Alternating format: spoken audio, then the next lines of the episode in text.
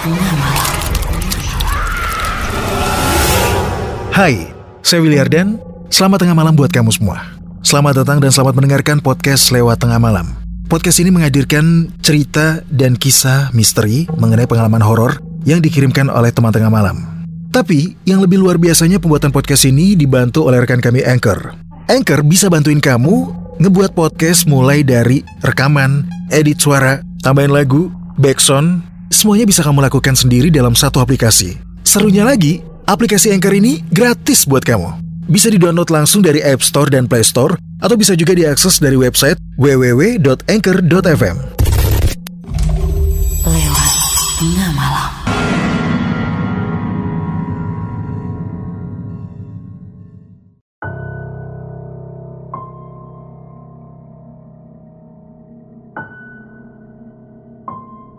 Selamat tengah malam, kamu lagi mendengarkan podcast lewat tengah malam bersama saya Willy Ardan. Di episode kali ini, urban legend sosok astral yang biasa digunakan sebagai alat mencari kekayaan dengan cara instan yang disebut dengan pesugihan tuyul. Kisahnya akan diceritakan di episode 72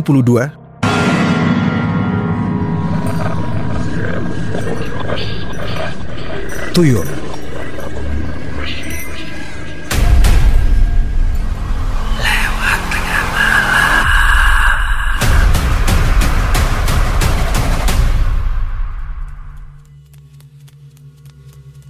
Kali ini kita akan membahas satu makhluk yang bisa dibilang salah satu urban legend yang sangat familiar banget di Indonesia, tuyul. Kisah ini diambil dari Treat at Bree Story. Hampir semua orang di Indonesia tahu wujud atau ciri-ciri dari tuyul. Jadi memang sepertinya tidak perlu dijelaskan panjang lebar. Intinya tuyul adalah makhluk gaib yang bentuknya menyerupai anak kecil, gundul, dan kerjanya adalah mencuri uang dan sering kali memiliki tuan atau seseorang yang memeliharanya. Ya, entahlah ini mitos atau fakta. Tapi yang pasti banyak orang berpendapat kalau tuyul pasti memiliki tuan. Sang tuan inilah yang akan memelihara si tuyul. Nantinya si tuan ini juga yang akan memerintahkan dan menyuruh si tuyul untuk mencuri uang. Ini juga disebut pesugihan tapi dengan menggunakan media tuyul. Kalau ditanya tujuannya apa, sudah pasti. Tujuannya memperkaya diri dengan cara yang instan atau cepat. Terus bagaimana sih ciri-ciri orang yang memelihara tuyul? Ya nggak tahu pastinya.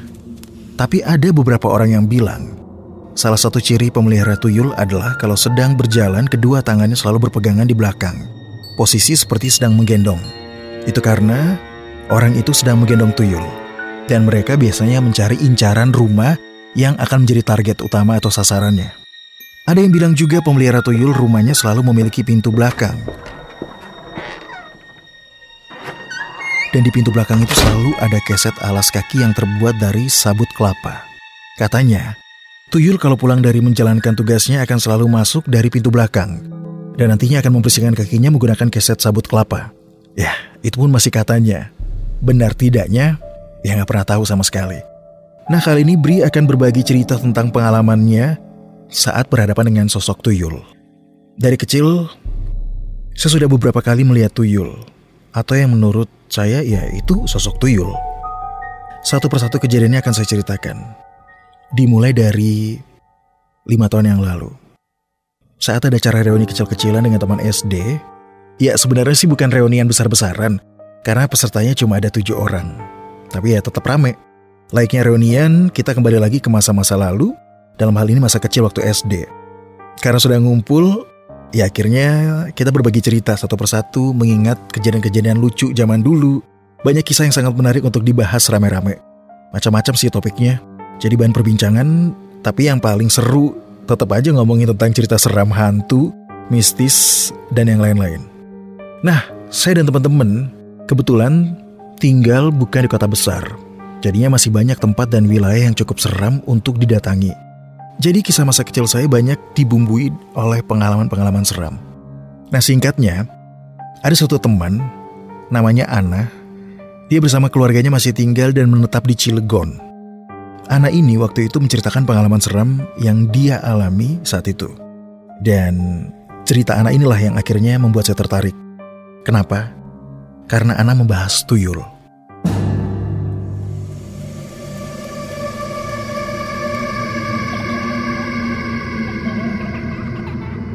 Jadi waktu itu Ana cerita, kalau di rumah tempat dia tinggal beberapa kali kehilangan uang.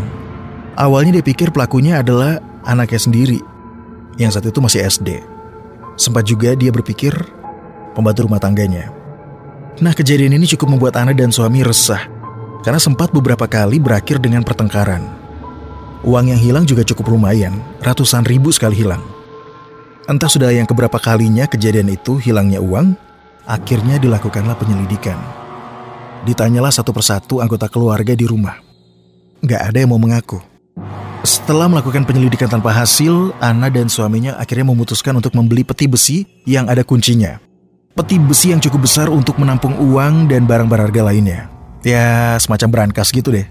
Setelah memiliki peti besi itu dan meletakkan uang atau barang-barang berharga di dalamnya, beberapa minggu lamanya nggak ada kejadian-kejadian kehilangan lagi. Tapi sebulan kemudian ternyata kejadian lagi. Uang di dalam peti hilang. Aneh. Padahal kata Ana, kunci peti diletakkan di tempat yang sangat tersembunyi. Jadi nggak mungkin ada orang rumah yang tahu kecuali dia dan suaminya. Tapi yang lebih aneh lagi, peti besi masih dalam keadaan terkunci. Ketika Ana sadar kalau isinya sudah berkurang. Petinya nggak rusak sama sekali. Isi dalam peti besi itu nggak semuanya hilang. Masih ada sisa sekitar ratusan ribu dan perhiasan, nggak habis seluruhnya. Akhirnya Ana dan suaminya bingung sendiri karena peti besi dalam keadaan terkunci tapi masih bisa hilang juga di dalamnya. Gimana caranya? Mereka berdua nggak tahu sama sekali penyebabnya apa. Dan siapa pelakunya. Saking penasarannya, akhirnya mereka memutuskan untuk memasang kamera pemantau atau CCTV. Kamera itu diarahkan ke pintu lemari besi tempat di mana peti besi berada di dalamnya. Setelah kamera terpasang dan difungsikan, video hasil pantauan rutin dilihat oleh Ana, nyaris setiap hari. Sama kejadiannya dengan ketika mereka baru beli peti besi sebelumnya.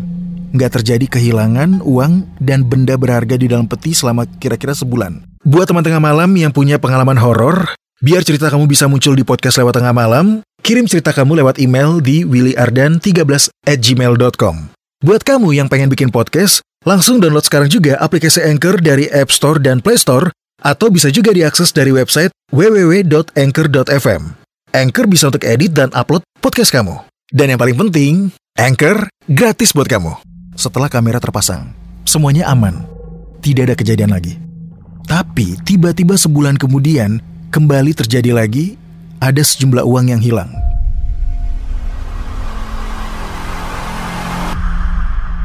Kali ini jumlahnya banyak, sampai jutaan rupiah bahkan. Saking cemasnya, akhirnya Ana bersama dengan suaminya memeriksa video CCTV. Mereka sempat berpikir bahwa si maling akan tertangkap oleh kamera CCTV. Tapi ternyata nggak seperti itu. Kamera sama sekali nggak menangkap gambar-gambar mencurigakan atau kejadian-kejadian aneh. Pencurinya nggak kelihatan, nggak terlihat. Ada orang yang sedang membuka lemari dan membuka peti besi itu untuk mencuri isinya. Nggak ada sama sekali. Tidak tertangkap sama sekali oleh CCTV. Lalu siapa yang bisa mengambil uang di dalam peti besi itu tanpa membukanya? Saat itulah Ana dan suami menduga kalau yang mencuri bukan manusia lagi, tapi makhluk gaib. Ana yang dari kecil memang sudah percaya dan sering bergelut dengan hal-hal mistis langsung punya banyak pertanyaan di kepalanya. Semakin yakin bahwa pelakunya adalah sosok astral atau hal-hal yang sifatnya gaib. Ana akhirnya punya ide untuk membuktikan sendiri. Jadi Ana meminta suaminya pergi ke pasar membeli abu gosok. Suaminya sempat heran. Abu gosok buat apa? Karena penasaran banget.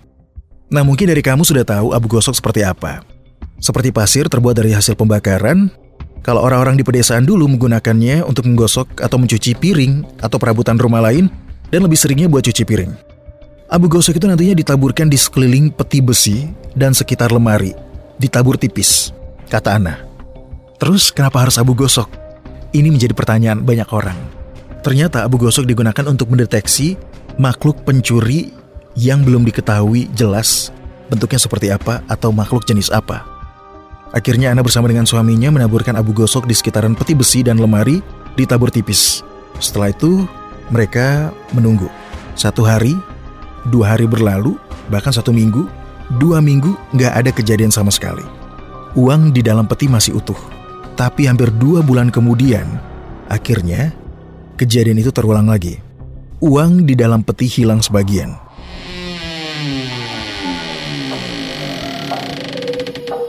Kejadian kali ini terjadi dan CCTV sama sekali tidak menangkap gerak-gerik mencurigakan, tidak ada objek yang tertangkap kamera saat mencuri.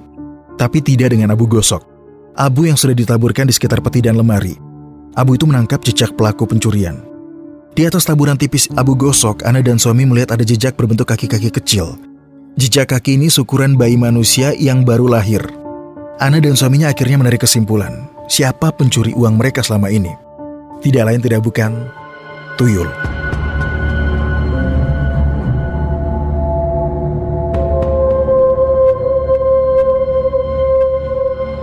Nah, masih tentang sosok tuyul. Di kampung tempat saya tinggal dulu, pernah ada peristiwa yang cukup heboh. Kejadiannya ada beberapa warga yang kehilangan uang dan benda berharga di rumahnya. Akhirnya membuat seluruh warga langsung melakukan siskamling jaga malam.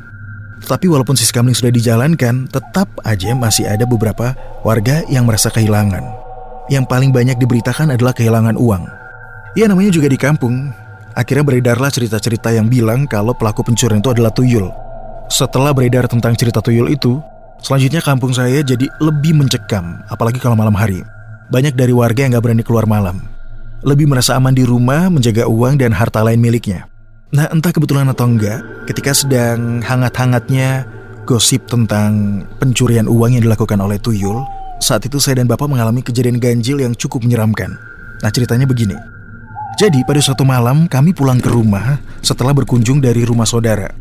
Saya dan bapak berboncengan menggunakan motor. Waktu itu kalau nggak salah, saya masih SD kelas 4. Jadi posisi saya di bonceng bukan di belakang tetapi di depan bapak. Nah seperti yang saya bilang tadi, waktu itu lagi santer-santernya cerita tentang tuyul gentayangan. Jadi suasana kampung sudah sepi banget ketika kami sampai di jalan masuk. Ya karena sudah hampir tengah malam juga, sekitar jam 11. Waktu itu bapak sengaja lewat jalan belakang yang masih sangat sepi. Melewati jalan tanah kecil menembus perkebunan pohon kelapa dan melewati area pekuburan juga. Serem banget deh suasananya. Saya yang tadinya sudah mengantuk, tiba-tiba bangun dan merasakan suasana yang seram. Kemudian saya bertanya kepada bapak, kenapa harus lewat jalan belakang gini? Kan serem. Bapak langsung menjawab, biar cepat beri, kan jaraknya lebih pendek. Begitu jawaban beliau. Ya sudahlah, saya hanya bisa pasrah sambil terus memandang dan melihat ke depan, sesekali melihat ke arah kanan dan juga kiri. Pemandangan nyaris gelap karena hanya dibantu cahaya dari lampu motor bebek Suzuki 100cc. Angin malam begitu dingin, tapi tetap aja suasana yang saya rasakan saat itu tegang. Jalanan sepi banget. Sampai akhirnya tiba-tiba bapak mendadak menginjak rem. Akhirnya motor berhenti. Padahal rumah kami hanya tinggal beberapa menit lagi jaraknya. Saya heran. Ada apa pak? Bapak diam saat itu. Bapak memberikan kode, diam. Saya spontan diam. Tapi saya penasaran, kenapa tiba-tiba motor berhenti? Saya kemudian memperhatikan suasana di sekitar. Menajamkan penglihatan untuk melihat suasana sekitar sebenarnya ada apa. Kemudian bapak bilang, jangan takut ya Bri. Saya diam, gak berani bilang apa-apa. Dan beberapa detik kemudian akhirnya saya mendapatkan jawaban kenapa bapak sampai berhenti mendadak. Dua atau tiga meter di depan kami, tepatnya di bawah cahaya lampu motor yang gak terlalu terang, saya melihat ada dua sosok kecil sedang berdiri di tengah jalan. Sosok ini tingginya hanya sekitar 30 atau 40 cm. Bentuknya seperti anak kecil, tanpa pakaian sama sekali. Tapi yang aneh warna tubuhnya gelap, bukan seperti gelap bayangan atau siluet, hitam gelap seperti arang kering. Saya cuma diam memperhatikan dua sosok seram itu. Mereka terus berdiri diam seperti sedang memperhatikan kami juga.